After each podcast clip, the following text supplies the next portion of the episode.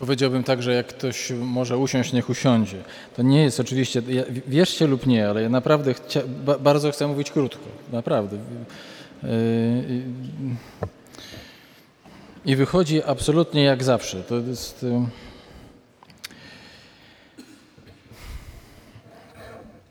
nie wiem, czy pewnie czytaliście opowieści z Narni Luisa, ale nie wiem, czy znacie te inne książki y, Claypa Slape'a Lewisa, ponieważ oprócz oczywiście opowieści z Narni y, był pisarzem bardzo płodnym i trochę się parał czymś takim, co można by było nazwać teologiczną fantastyką, y, ponieważ miał niezwykłą zdolność. No w końcu opowieści z Narni też są taką próbą opowiedzenia o Ewangelii, chociaż bardziej bajkową.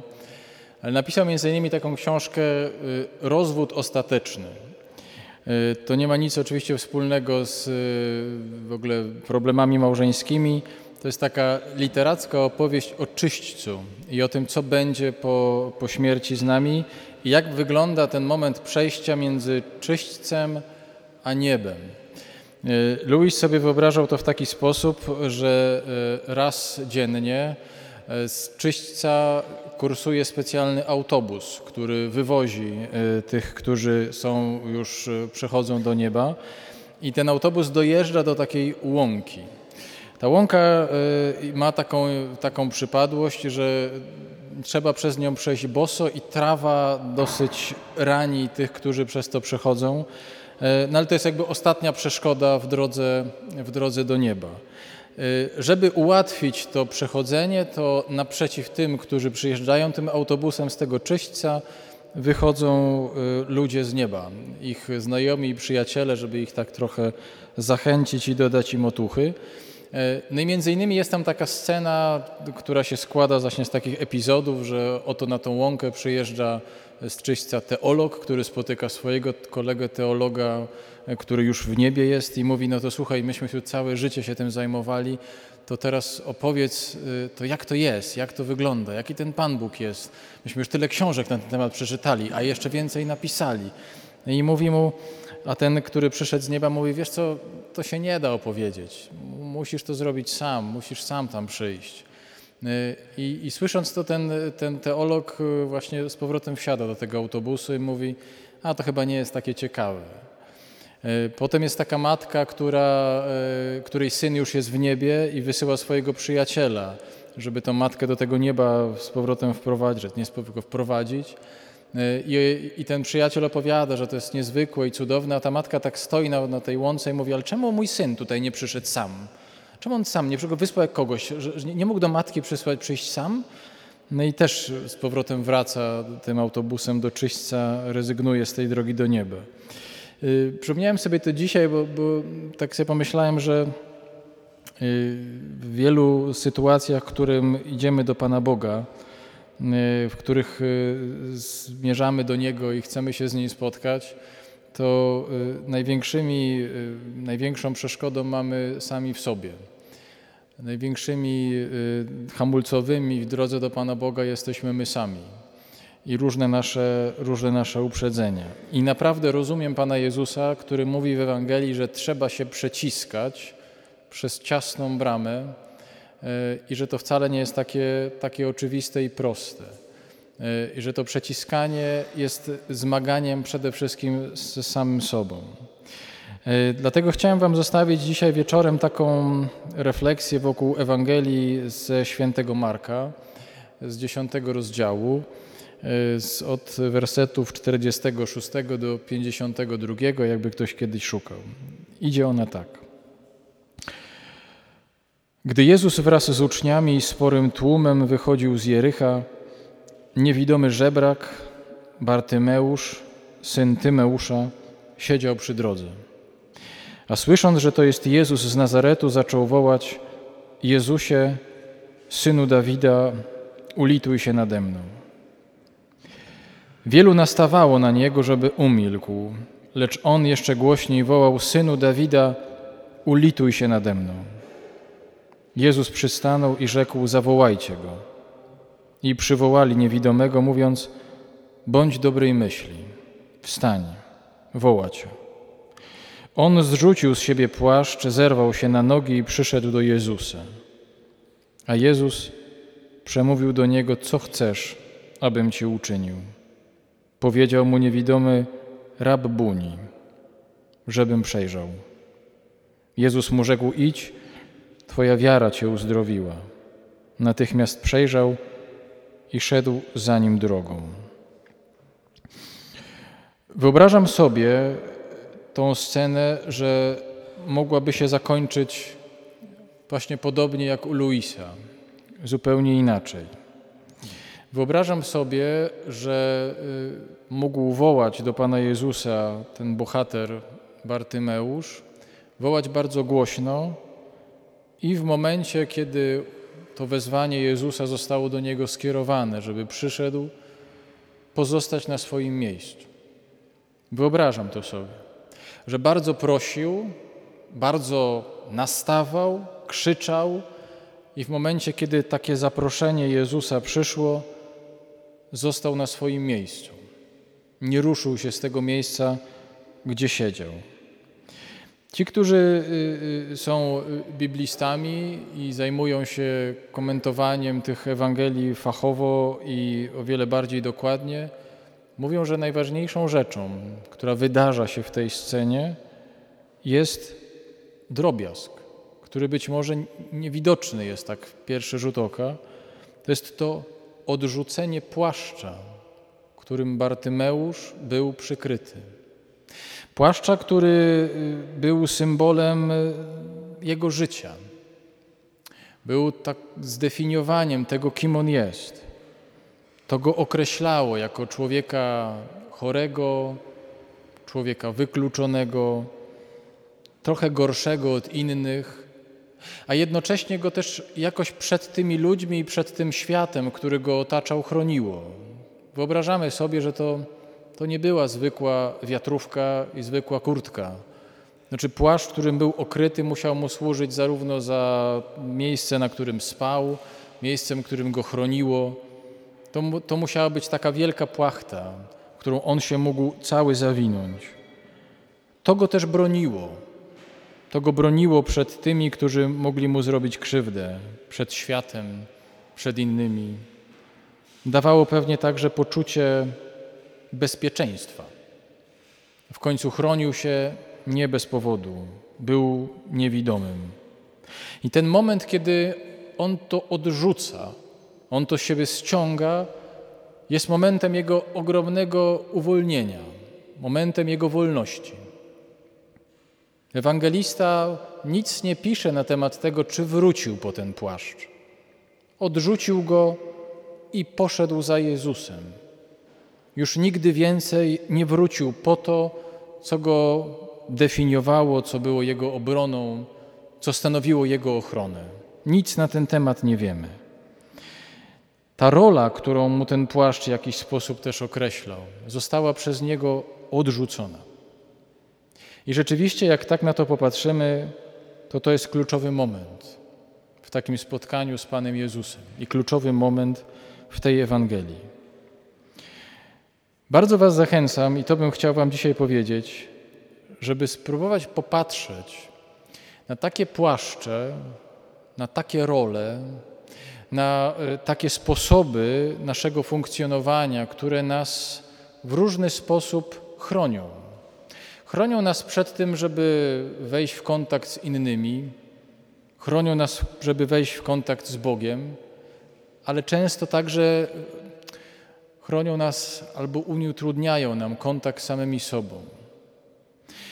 Ja y, tak sobie stworzyłem taką listę takich ról, nazwijmy to, czasem się mówi, że to, jest, że to są maski, y, takich gorsetów, y, niepełną. Każdy z Was może, myślę, ją rozszerzyć. Oprócz tego one się między sobą mogą też mieszać, miksować. Możemy też y, kilka mieć ich na sobie i w nich funkcjonować. To oczywiście może być choroba. O tym w ogóle nie mówię. To może być cierpienie, takie fizyczne. Ono jest oczywiście jakby w naturalny sposób je widzimy i my je też potrafimy dość dobrze zdiagnozować, więc dlatego też o tym nie mówię. Dość łatwo widzimy, że często nasza ułomność, y, nasza przypadłość, której może często też nie widać, ale ona gdzieś w środku w nas jest, ona utrudnia nam funkcjonowanie. Nie widzicie na przykład, że y, jak jestem y, upośledzony wzrokowo. To znaczy, ja mam strasznie chore oczy. Ja noszę soczewki, a jakbym ich nie nosił, to bym was nie widział. Ja mam minus 9 na obu oczach, więc generalnie jestem, jestem kretem, ślepym kretem. I y, no to jest moja przypadłość. Wielu rzeczy nie mogę robić. Wielu rzeczy, wiele rzeczy jest mi odebranych. Tak, to jest pewna rola też, czy pewna, pewna, pewien płaszcz, który ja mam, który coś mi jest odebrane, a coś nie. Wiele rzeczy, mówię, nie mogę dotknąć w życiu, nie mogę zrobić, bo mi się jeszcze bardziej pogorszy. Nie mówię o tych rzeczach fizycznych, bo to jest, myślę, coś, co, co każdy z nas dość dobrze rozumie. Chodzi mi o większe subtelności. Na przykład takim płaszczem, takim sposobem ochrony siebie jest pewność siebie. Może być pewność siebie. To znaczy takie funkcjonowanie, które, y, w którym człowiek wszystko wie. Jak rozmawia się z nim na temat, y, nie wiem, biologii, to wie. Jak się rozmawia na temat sportu, no to oczywiście, że wie. Jak na temat polityki, to wie wszystko. Nawet to, co politycy jeszcze nie powiedzieli, to on wie. Y, jak się z nim rozmawia o fizyce molekularnej, no to wie. O chemii, to wie. Wszystko wie. Ma najlepsze rady, y, zawsze jest świetnie poinformowany. On absolutnie y, nie dopuszcza do siebie żadnego pouczenia. To jest strasznie trudne, bo tacy ludzie czasem trafiają do konfesjonału. Jak oni spowiadają się ze swoich grzechów, no to oni generalnie mówiąc o swoim grzechu od razu mówią, dlaczego go popełniłem bo ja już wiem, dlaczego go popełniłem i co powinienem robić, żeby go nie popełnić. E, bądź też mówią, dlaczego czegoś nie zrobili i od razu też to tłumaczą. To jest strasznie trudne z punktu widzenia spowiednika, ponieważ trudno temu komuś coś powiedzieć. Ponieważ w momencie, kiedy y, chciałbym się odezwać, słyszę się z drugiej strony, wiem, co chciałby ksiądz powiedzieć.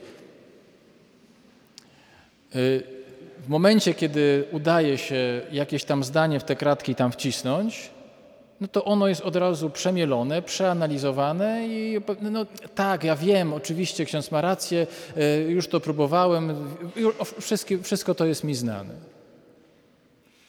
Wszystko wiem. Nie ma absolutnie żadnej rysy. Nie ma żadnej możliwości spotkania. Otaczam się takim kokonem wiedzy, bardzo pewnej, czasem na granicy takiej y, autorytarności. To jest wszystko w celu obrony mojego systemu, bo nie daj Boże, bym usłyszał, że coś jest nie tak. To by mi się system roz, rozkleił. Czasem mam takie, jak słyszę takie osoby w konfesjonale, to mam takie, taką myśl, żeby powiedzieć, a wie, wie pani co, niech pani grzeszy. Może grzeszyć. A na całego może grzeszyć. Bo nie przychodzi mi nic do głowy takiego, żeby, żeby jakoś wybić kogoś z tego, z tego takiego kokonu. Że tak myślę, a dobra, proszę się nie przejmować tym wszystkim, dać sobie spokój. I to jest, ale to jest ciekawe, bo to jest taki moment, w którym ten ktoś mówi, ale jak to? Ale czemu? I wtedy zaczynamy w ogóle rozmawiać, coś zaczyna się kruszyć. Po drugie, y, takim Płaszczem bezpieczeństwa może być wieczne zadowolenie, może być wieczny optymizm. Nie wiem, czy macie tak na studiach, mnie się zdarzyło tak na studiach, yy, także w pracy mi się tak zdarzyło, spotkać ludzi, którzy byli zawsze zadowoleni. Do wszystkich się uśmiechali, do wszystkich mówili dzień dobry, wszystkim dobrze życzyli. W ogóle nigdy nie widziałem, żeby byli smutni takiej książce, mm, którą y, napisałem y, z moją koleżanką z pracy, panią Katarzyną Kolską, zrobiliśmy taki wywiad z ojcem Michałem Zioło, trapistą z bardzo takiego surowego zakonu. Książka się nosi tytuł Po co światu mnich? Ojciec Michał, który przez pewien czas był wychowawcą takich młodych trapistów, przychodzących kandydatów na takich prawdziwych mnichów, mówi, że to jest, taki, to jest taka, taka przypadłość takiego nowicjusza którego on nazywa taki, takim meteorologiem. Mówi dzień dobry, proszę, dzień dobry proszę bratom, dzień dobry ojcom. Wchodzi do chóru, dzień dobry. Skąd on wie, że dzień dobry, no jest piąta rano, mówimy, to wszyscy ledwo zaspani, a on dzień dobry. Nie? I to tak, tak funkcjonuje do pewnego momentu, w którym mu to puszcza.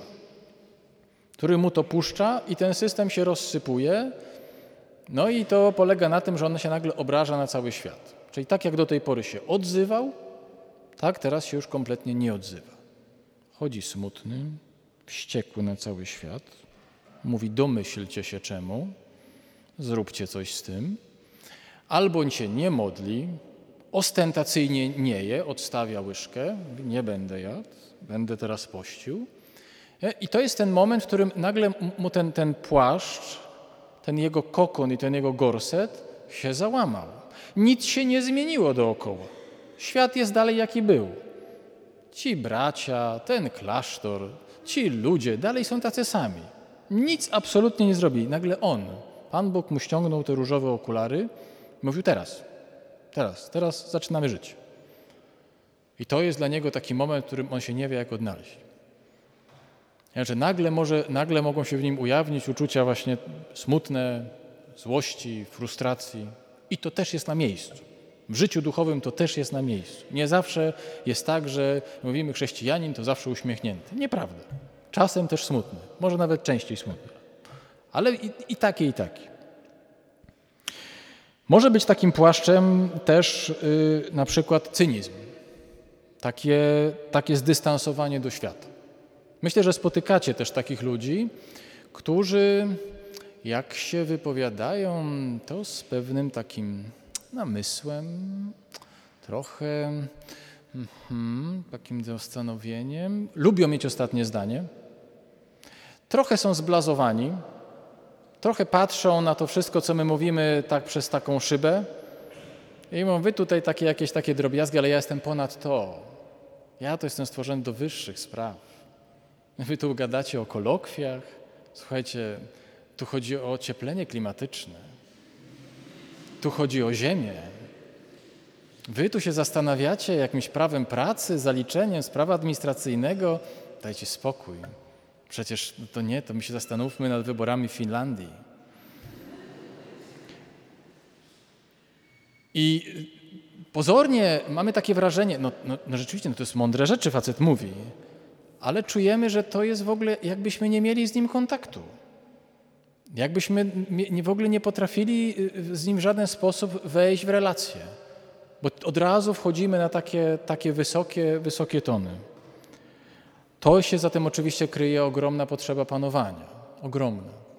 Żeby było tak, jak właśnie ja chcę. Tak? Ja taki jestem takim trochę królem w tej całej rzeczywistości. Słuchajcie mnie, jak ja powiem, to będzie ostatnie, najważniejsze zdanie.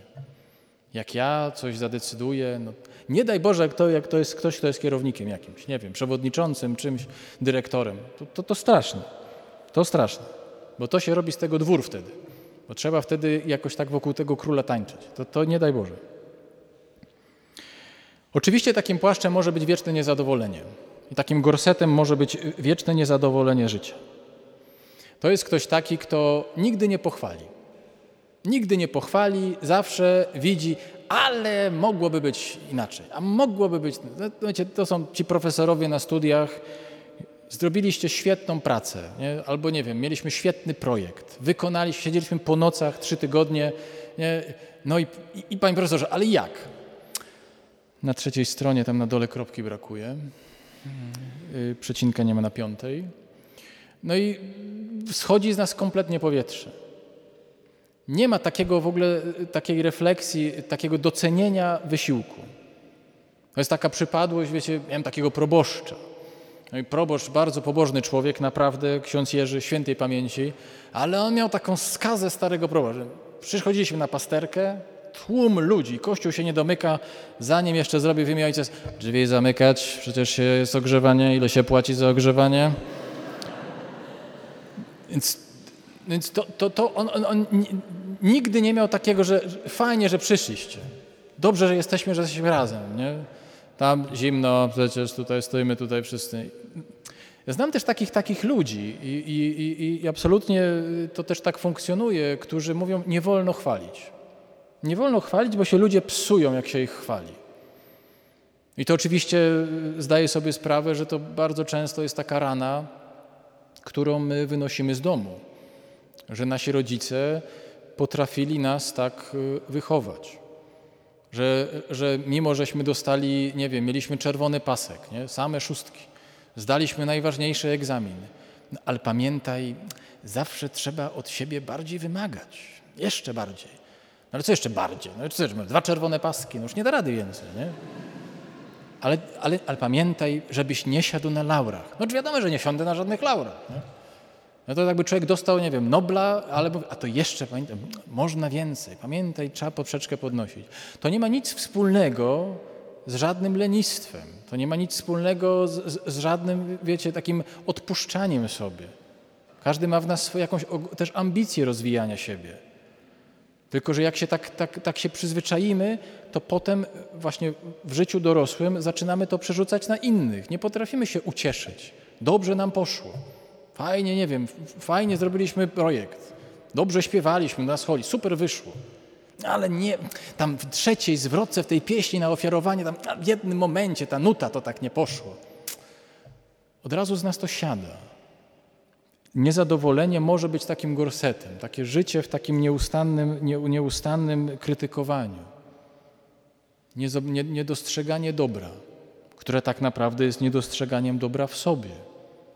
Tylko właśnie ciągłe mówienie, ale inaczej.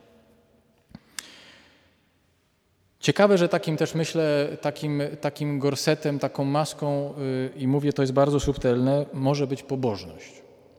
To jest bardzo ciekawe, ale myślę, że tak może być. Znaczy, że to jest takie, takie zachowanie, którym tylko mówi się o Panu Bogu. Tylko o rzeczach pobożnych, o, o innych rzeczach się nie mówi. Jeżeli się czyta, no to tylko Ewangelię. Żadnych innych książek się nie czyta. Pierwszym weryfikatorem, czy to jest na pewno pobożne, czy to jest katolickie, czy to jest na pewno o Panu Bogu, czy to jest zgodne z Panem Bogiem. Czy czytałeś, nie wiem, Olgę Tokarczuk, nie? noblistka, nie? A czy tam na pewno jest o Panu Bogu? Jak słucham muzyki, no to tylko takie, gdzie jest o Panu Bogu, ewentualnie o Matce Bożej. Y, jak chodzę na wszystkie nabożeństwa, nie, nie, nie pójdę do kina, no bo jest tam kolejna noc czuwania. To jest taki, taki rodzaj funkcjonowania, który pod spodem ma takie przekonanie, że właśnie jak ja to zrobię, sięgnę po taki, nie wiem, film, serial, książkę, pójdę gdzieś, gdzie to, co nie będzie kościołem, to Pan Bóg będzie niezadowolony. To, tego, to, to Pan Bóg będzie tak na mnie dziwnie patrzył. To jest y, y, y, bardzo często taki, taka, taka, taka maska, która bardzo siebie niemiłosiernie traktuje, bardzo surowo. No, ona nie dopuszcza żadnej słabości. Ta słabość jest przeżywana z ogromną rozpaczą. Nie spełniam tego, tego wymagania, tego obrazu, który sobie przed Panem Bogiem stworzyłem. To jest bardzo, bardzo subtelne, bo mówię, pobożnym dobrze być, ale też nie wolno zapominać, że łaska Pana Boga, tak mówił nasz zacny współbrat święty Tomasz Zakwinu, buduje się na naszej naturze. To znaczy, że, że my tej naturze też mamy dostarczać różnych bodźców, mamy o nią dbać. Czy jest miejsce w życiu na przyjemności niegrzeszne? Niegrzeszne jest miejsce, oczywiście. Też na to, żeby być zadowolonym, że to, ta łaska się buduje na naszym człowieczeństwie. Jak na to człowieczeństwo nie zadbamy, no to będziemy skarłowacieni. Oczywiście będziemy wykonywać mnóstwo gestów pobożnych, mnóstwo rzeczy związanych z Panem Bogiem. Ale jakbyśmy, ale, ale coś jeszcze. Powiedz coś jeszcze, co, co, co czytałeś, co słuchałeś, nie? Co, co widziałeś ostatnio, gdzie byłeś. To jest bardzo ciekawe, znam takich ludzi, którzy na przykład jadą, y, nie wiem, dajmy na to do Neapolu i oni nie pójdą tam, nie wiem, do muzeum, nad morze, tylko same kościoły zaliczają. Tylko po kościołach chodzą. Oczywiście jest tam kilka ładnych kościołów, ale też mnóstwo kiczu. E, I, i no, fajnie, ale jeszcze coś więcej. Nie? To jest też, to potrafi być takim kokonem. Oczywiście może być to także bezradność, czy takie myślenie, że no nigdy mi się nic nie udało. I tyle razy próbowałem, to już mi się nigdy nie uda. No nie umiem, nie, nigdy, no nawet nie będę próbował, bo już to już tyle mam doświadczeń, że nic z tego nie wyjdzie. Nie? To jest często takie, takie bardzo wyuczone, bardzo bezpieczne. To trochę jak w tej, tej piosence zespołu Rezerwat, nie? Zaopiekuj się mną, nawet gdy nie będę chciał. No taki jestem po prostu, że no aż takim... Nie bardzo można mnie traktować na poważnie, bo jak mi się coś powierzy, no to wiadomo, zapomnę, nie przyjdę. A jak już, to nie zrobię do końca, więc też tak się trochę unikam od tej, tej usuwam od tej odpowiedzialności. Nie? Też są, są tacy ludzie na studiach. Słuchaj, dzisiaj jest, dzisiaj, dzisiaj w ogóle jest egzamin. Dzisiaj naprawdę? Dzisiaj jest ten egzamin? Niesamowite. Nie? No, no, w, zakonie też tak mamy, mamy kilku takich uroczych braci, trochę się z tego śmiejemy, że mówimy, mówimy mu to, słuchaj, ale wiesz, ty dzisiaj, wiesz, miałeś spowiedź o 19. Spowiedź o 19? Na, naprawdę? A jak to? No, no było, wyznaczone było tam na tablicy. Nie, nie, nie wiem, możliwe. Nie, nie wiem. Y tak jest. Nie? I można powiedzieć, my się trochę z tego śmiejemy i słusznie, ale to potrafi być takim sposobem funkcjonowania. Mamy dorosłego człowieka, który ma, nie wiem, lat 40 albo 50 i to jest dziesięciolatek, dwunastolatek zamknięty w, takiej, w takim skórze czterdziestolatka. Wewnętrznie i mentalnie jest cały czas dzieckiem. Nie weźmie odpowiedzialności, boi się, chodzi z takim wiecznym zadziwieniem, tak jak właśnie niezwykłym. Obudziłem się dzisiaj. Więc to może być takim gorsetem. I myślę sobie, że też y, takim, takim, taką formułą pewnej ucieczki i obrony y, może być też seksualność. Y, ja celowo nie mówię o, o, takich rzeczach jak, nie wiem, anoreksja, bulimia, alkoholizm, chemia, tak, narkotyki. To, to, to są podobne mechanizmy, ale myślę, że takim takim sposobem ucieczki od świata i ochrony przed światem może być też seksualność, zwłaszcza ta wulgarna, wyrażająca się w pornografii. Yy, to znaczy, że to jest taki sposób, w którym my mówimy, że to jest pożądanie. Mi się tu podobają te panny, tam, tam te urządlone tam przez te osy wielkie tutaj takie, nie, yy, napompowane i że, to, tak, to, że to, to mnie tak kręci. A tak naprawdę przecież to jest jakiś ogromny sposób, narzędzie radzenia sobie ze swoimi emocjami. Z emocjami, które mnie mną targają, trudnościami. I używam tego, nie? Używam tego gorsetu i mówię, ja w tym siedzę cały czas. Spowiadam się z tego ciągle, ciągle to wyznaję, ciągle sobie robię tą krzywdę, ciągle ten ekran i ja. A przecież tak naprawdę to właśnie to gdzie indziej jest problem. Znaczy to gdzie indziej jest źródło. Że jak jakby na tym, jak ja to często mówię, że przecież jak człowiek tak o tym na spokojnie pomyśli, tak jak teraz wam mówię, no to przecież świat pornografii jest światem koszmaru. To znaczy jedni ludzie tak, poniżają drugich ludzi. I jedni ludzie są zadowoleni, ci poniżeni też udają, że są zadowoleni. Wszyscy są uśmiechnięci. I teraz jakbyśmy to mieli przełożyć na, nie wiem, nasze związki, znaczy to nie ma takiego związku, no to jest dom wariatów, znaczy to, to, to, to, no to, to jest niebieska linia się nazywa. Nie? Znaczy, że to jest też taki świat, w którym y, nie ma żadnej czułości, miłości, bliskości, intymności, czyli takich rzeczy, za którymi bardzo tęsknimy. Każdy za tym tęskni, i kobiety, i mężczyźni. Znaczy, mamy taką tempą plastikową po prostu scenę. I ona potrafi być takim naszym kokonem. My w tym funkcjonujemy, strasznie trudno nam się z tego wyzwolić, bo to trwa latami. I ciągle, jak ktoś nam mówi, ale wiesz co, to w ogóle to nie o to chodzi. I, i, i to właśnie my wracamy do, tej, do, tej, do tego pierwszego właśnie, chociażby tego, który wszystko wie. Nie wiem, nie, proszę księdza, ja wiem, to tak, to nie o to chodzi, ale co zrobić? Niech mi ksiądz powie taką jedną złotą radę. Tak, no, tak minutę mi tu ksiądz powiedział, jak tego nie robić. Nie wiem, no tak, ja mam takie zawsze, no to nie wiem, wyrzucić komputer, no i to nie wiem, no nie wiem, no, komórki nie używać. Tak w minutę to tyle jestem w stanie powiedzieć. To jest moja złota rada. Nie, no to, to, to słabe, to nie. To już słyszałem. Mówię o tym y, jeszcze raz, y, wracając jakby do tego Bartymeusza i do tej Ewangelii. To są bardzo przykładowe. Zdaję sobie sprawę, że tą listę możemy rozszerzać. Różne płaszcze, gorsety, takie rzeczywistości, za którymi się potrafimy schować. One nam dają poczucie bezpieczeństwa, one nas jakoś w tym świecie sytuują, one nas też męczą, bo one nie są dla nas, my, my, my odczuwamy trudność funkcjonowania w nich, ale jakoś żeśmy się przez lata przyzwyczaili i strasznie trudno nam być, ale gdybyś nam ktoś to powiedział, odrzuć to. weź to zostaw, spróbuj inaczej. I tu jest ta nasza trudność.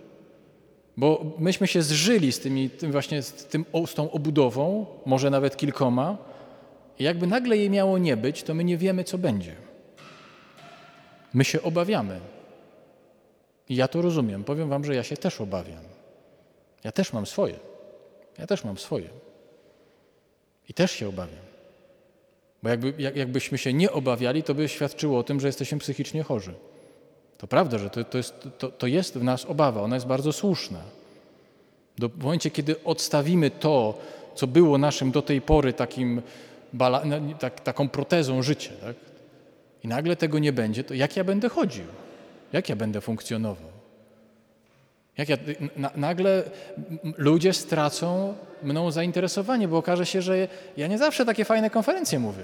Ja też bywam nudny, ja też moi bracia pierniczy takie nudy po prostu, siedzi ten telewizor ogląda. Bywam nudny, bywam nieciekawy, bywam irytujący, jak każdy człowiek. I wy też tak macie. Nie zawsze prowadzimy niezwykle błyskotliwe rozmowy na temat, nie wiem, wyborów. Nie, nie. Najczęściej mówimy o rzeczach nudnych też. Pan Bóg na wiele sposobów próbuje nas doprowadzić do takiej sytuacji, w której, w której mamy to odrzucić. Próbuje nas na różne sposoby uwolnić. Czasem tak jest, że, że bywa to bardzo dramatyczne, no tak jak na przykład, nie wiem, powtarza się ten scenariusz jak u świętego Pawła. Nagle dzieje się taka rzecz, gdzie lecimy. No tak jakby nam ktoś podłogę wyciągnął spod nóg. Lecimy. Spadamy, ryjemy głową w dół, po prostu leżymy. Różne rzeczy to mogą być. Czasem się to dzieje przez bardzo dramatyczne sytuacje. Nie wiem, ktoś umiera, nagle orientujemy się, że mamy jakąś chorobę w sobie niezbyt miłą. Nie wiem, zostawia nas ktoś, rozstajemy się. Nie wiem, nie zdajemy kluczowego egzaminu. Bywa. Nie dostajemy promocji dalej, nie wiem, ktoś nas nie docenia. To jest taki moment, tak, którym nagle jest taka okazja do tego, żeby, a może jest inaczej, nie? że możemy coś odrzucić. Może być oczywiście też tak, jak nie wiem, w Ewangelii o synu marnotrawnym. To znaczy, że w którymś momencie dochodzimy do takiego momentu, w którym, no pamiętacie, syn marnotrawny, ten syn poszedł z domu, roztrwonił majątek i nagle poczuł się głodny. Znaczy, że i w nas pojawia się taki, no niby wszystko jest świetnie ułożone, nad wszystkim panujemy, a wewnętrznie czujemy się głodni. Że to, to, to nie jest to. I to jest bardzo dobry moment, to jest bardzo dobry objaw. To są wszystkie te sytuacje, może znacie takich ludzi, to, to, to są poruszające spowiedzi. Jak ktoś przychodzi mówi, przyszedłem tutaj po kilku latach.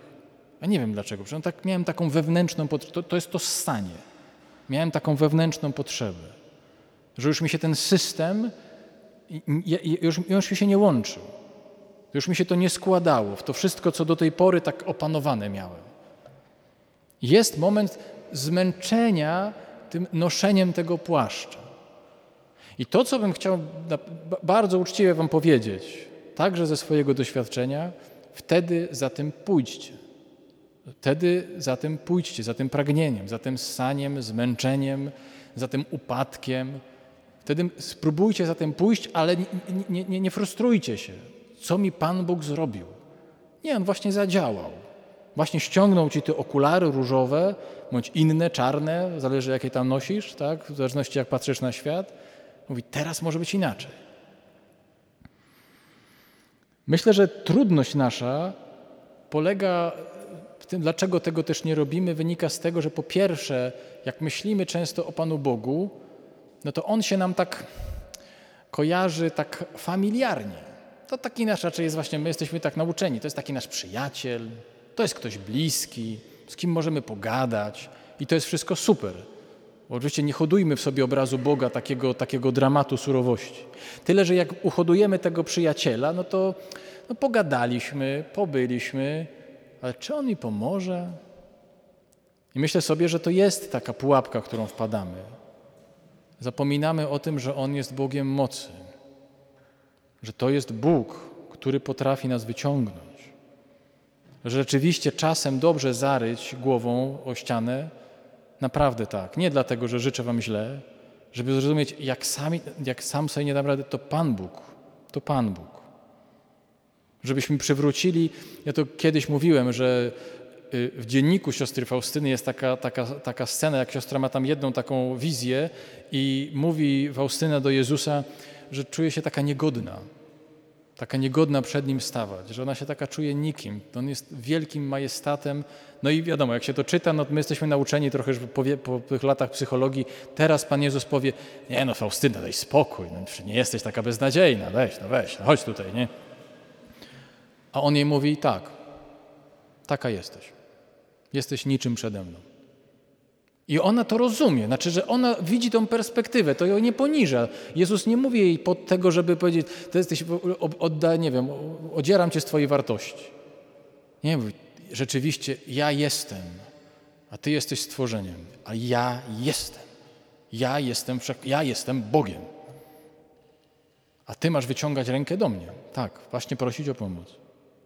A po drugie, myślę, że, że to, ta trudność wynika z tego, że właśnie trochę, jak mówiłem wam na początku z tym Luisem, że niebo, zbawienie, no to tak nam się kojarzy, no, te wszystkie koszulki takie, jak chodzę po mieście, czy tam gdzieś jadę, nie, no to nie, jak to jest, y, że grzeczne dziewczynki idą do nieba, a niegrzeczne idą tam, gdzie chcą, nie? nie? No to to jest fajne, wiadomo, nie? To, to super, no, nas, nas kręci. Nie? I to cię w każdą stronę. To niebo to takie jest, no wieczna nuda, no, wieczna nuda. Jest taki psalm 51, możecie do niego zerknąć, jak tam sobie zobaczycie w telefonach. I on oprócz tego, że to jest taki, generalnie ma taki charakter pokutny, ale w środku tego psalmu jest takie wezwanie: przywróć mi radość z Twojego zbawienia. To dobrze być zbawionym, czy dobrze być w łasce. Że to, to otwiera o wiele szersze perspektywy życia niż grzechy, nie wiem, porządliwości, to nieustanne walenie się w głowę, tam robienie se krzywdy. Przywróć mi radość Twojego zbawienia. Właśnie ten Bóg Wszechmocny to może. To są rzeczy, które nas, nas blokują. Myślę sobie, że dlatego mówię Wam za tym idźcie. Zwróćcie jeszcze uwagę, i to jest jedna z ostatnich rzeczy, jeszcze tutaj mówię, to jest to, że to wszystko, co z, tą, z tym Bartymeuszem się dzieje, ta scena cała, nie bez powodu rozgrywa się w Jerychu. W Jerychu, które jest w Piśmie Świętym miastem symbolicznym, bo było to ostatnie miasto na drodze Izraelitów do ziemi obiecanej. Pamiętacie, obchodzenie, te trąby, te mury, które runęły, to było ostatnie, ostatni bastion. Jak to się załamało, to wtedy droga do tego miejsca upragnionego stała otworem. To jest o nas. Jak tu jesteśmy, siedzimy w Jerychu i Jerycha bronimy, żeby nam się nie zawaliło. I to jest ostatni bastion. To jest ostatni mur, który stoi i my, my, ze wszystkich sił to trzymamy, Panie Boże. Nie, bo jak to się zawali, to nie wiadomo co. Mówiłem Wam, też się boję. Nieraz się boję. Tradycja żydowska, y, komentując przejście przez Morze Czerwone, tradycja rabinistyczna, dopowiada do tej sceny, którą znamy. Tak? Pamiętacie, Mojżesz miał uderzyć laską w Morze Czerwone dwa razy i morze się miało rozstąpić. I tradycja żydowska mówi, że tak, podszedł, uderzył dwa razy i morze się nie rozstąpiło. No i stoją w takich kleszczach. Z przodu morze, otchłań, a za nimi Egipcjanie. Stoją i to się zacieśnia. Tak? To, się, to ich spycha coraz bardziej. I tradycja mówi o tym, że był taki człowiek, nazywał się Naaszon, tak go zapamiętała tradycja żydowska, który wyrwał się i w to morze wszedł. I wszyscy patrzyli na niego, co się stanie, i on szedł. Szedł, kostki, kolana, uda, szedł. I w momencie, jak już doszedł do takiego momentu, że zrobi następny krok i się utopi, woda się rozstąpiła. Ja wiem, że się fajnie mówi na konferencji. Ja wiem, że się fajnie mówi w kościele, siedzimy sobie, jest ciepło. Ale jest taki moment w życiu, nie? Takim, którym wydaje wam się, że za chwilę zwariujecie, jak zrobicie następny krok. Ja Was bardzo proszę, y, może i dzisiaj, może jutro, może w ogóle, żebyście y, siedli z tymi Waszymi płaszczami, siedli z tym naszym wstydem, poranieniem, z tym wszystkim, co w tym Jerychu bronimy, z całymi tymi historiami, które siedzimy i żebyście mówili tak, jak mówi bohater tej Ewangelii, Rabbuni, żebym przejrzał. Rabbuni, żebym przejrzał. Panie, żebym przejrzał. Mówcie do niego, y, może nawet bardziej, y, tu zwracam się do tej męskiej części, bo myślę, że ta żeńska z łatwością wzbudza w sobie uczucia i emocje względem Boga. Dla nas facetów to jest takie, że nie przejrzał, nie przejrzał. Albo nie, albo nie. nie. Nikt nie robić, nikt wam nie będzie robił, panowie, żadnego testu. To ma być w was i macie to robić. Jak już czujecie ten moment zmęczenia, jak już czujecie ten moment, że już wam się to, to, to wam się sypie, zacznijcie mówić, żebym przejrzał. Nie wiem, co będzie. Wiem, że On chce nam dać samego siebie, da nam, da, chce nam dać ogromną wolność. Ogromną wolność. Życie wyprostowanymi ludźmi. Nie tymi różnymi obudowanymi, bo to jest śmieszne, prędzej czy później, że jesteśmy jakoś nieprawdziwi ale jako Jego dzieci mamy tak mówić do Niego, żeby nam pomógł. Bo musimy też pamiętać, i to jest tradycja nie rabinistyczna, ale tradycja nasza, katolicka, chrześcijańska, że On sam wchodzi z nami w tą wodę. Wchodzi z nami i trzyma nas. Nawet jakbyśmy już nam ta woda dochodziła, to On wchodzi z nami. Nie zostawia nas ale tego kroku za nas nie zrobi. Tyle na dzisiaj. Tyle na dzisiejszy wieczór. Jutro zróbmy my krok dalej. To przyjmijcie Boże błogosławieństwo. Pan z Wami. Niech Was błogosławi i strzeże Bóg Wszechmogący, Ojciec i Syn i Duch Święty. Trwajcie w miłości Chrystusa.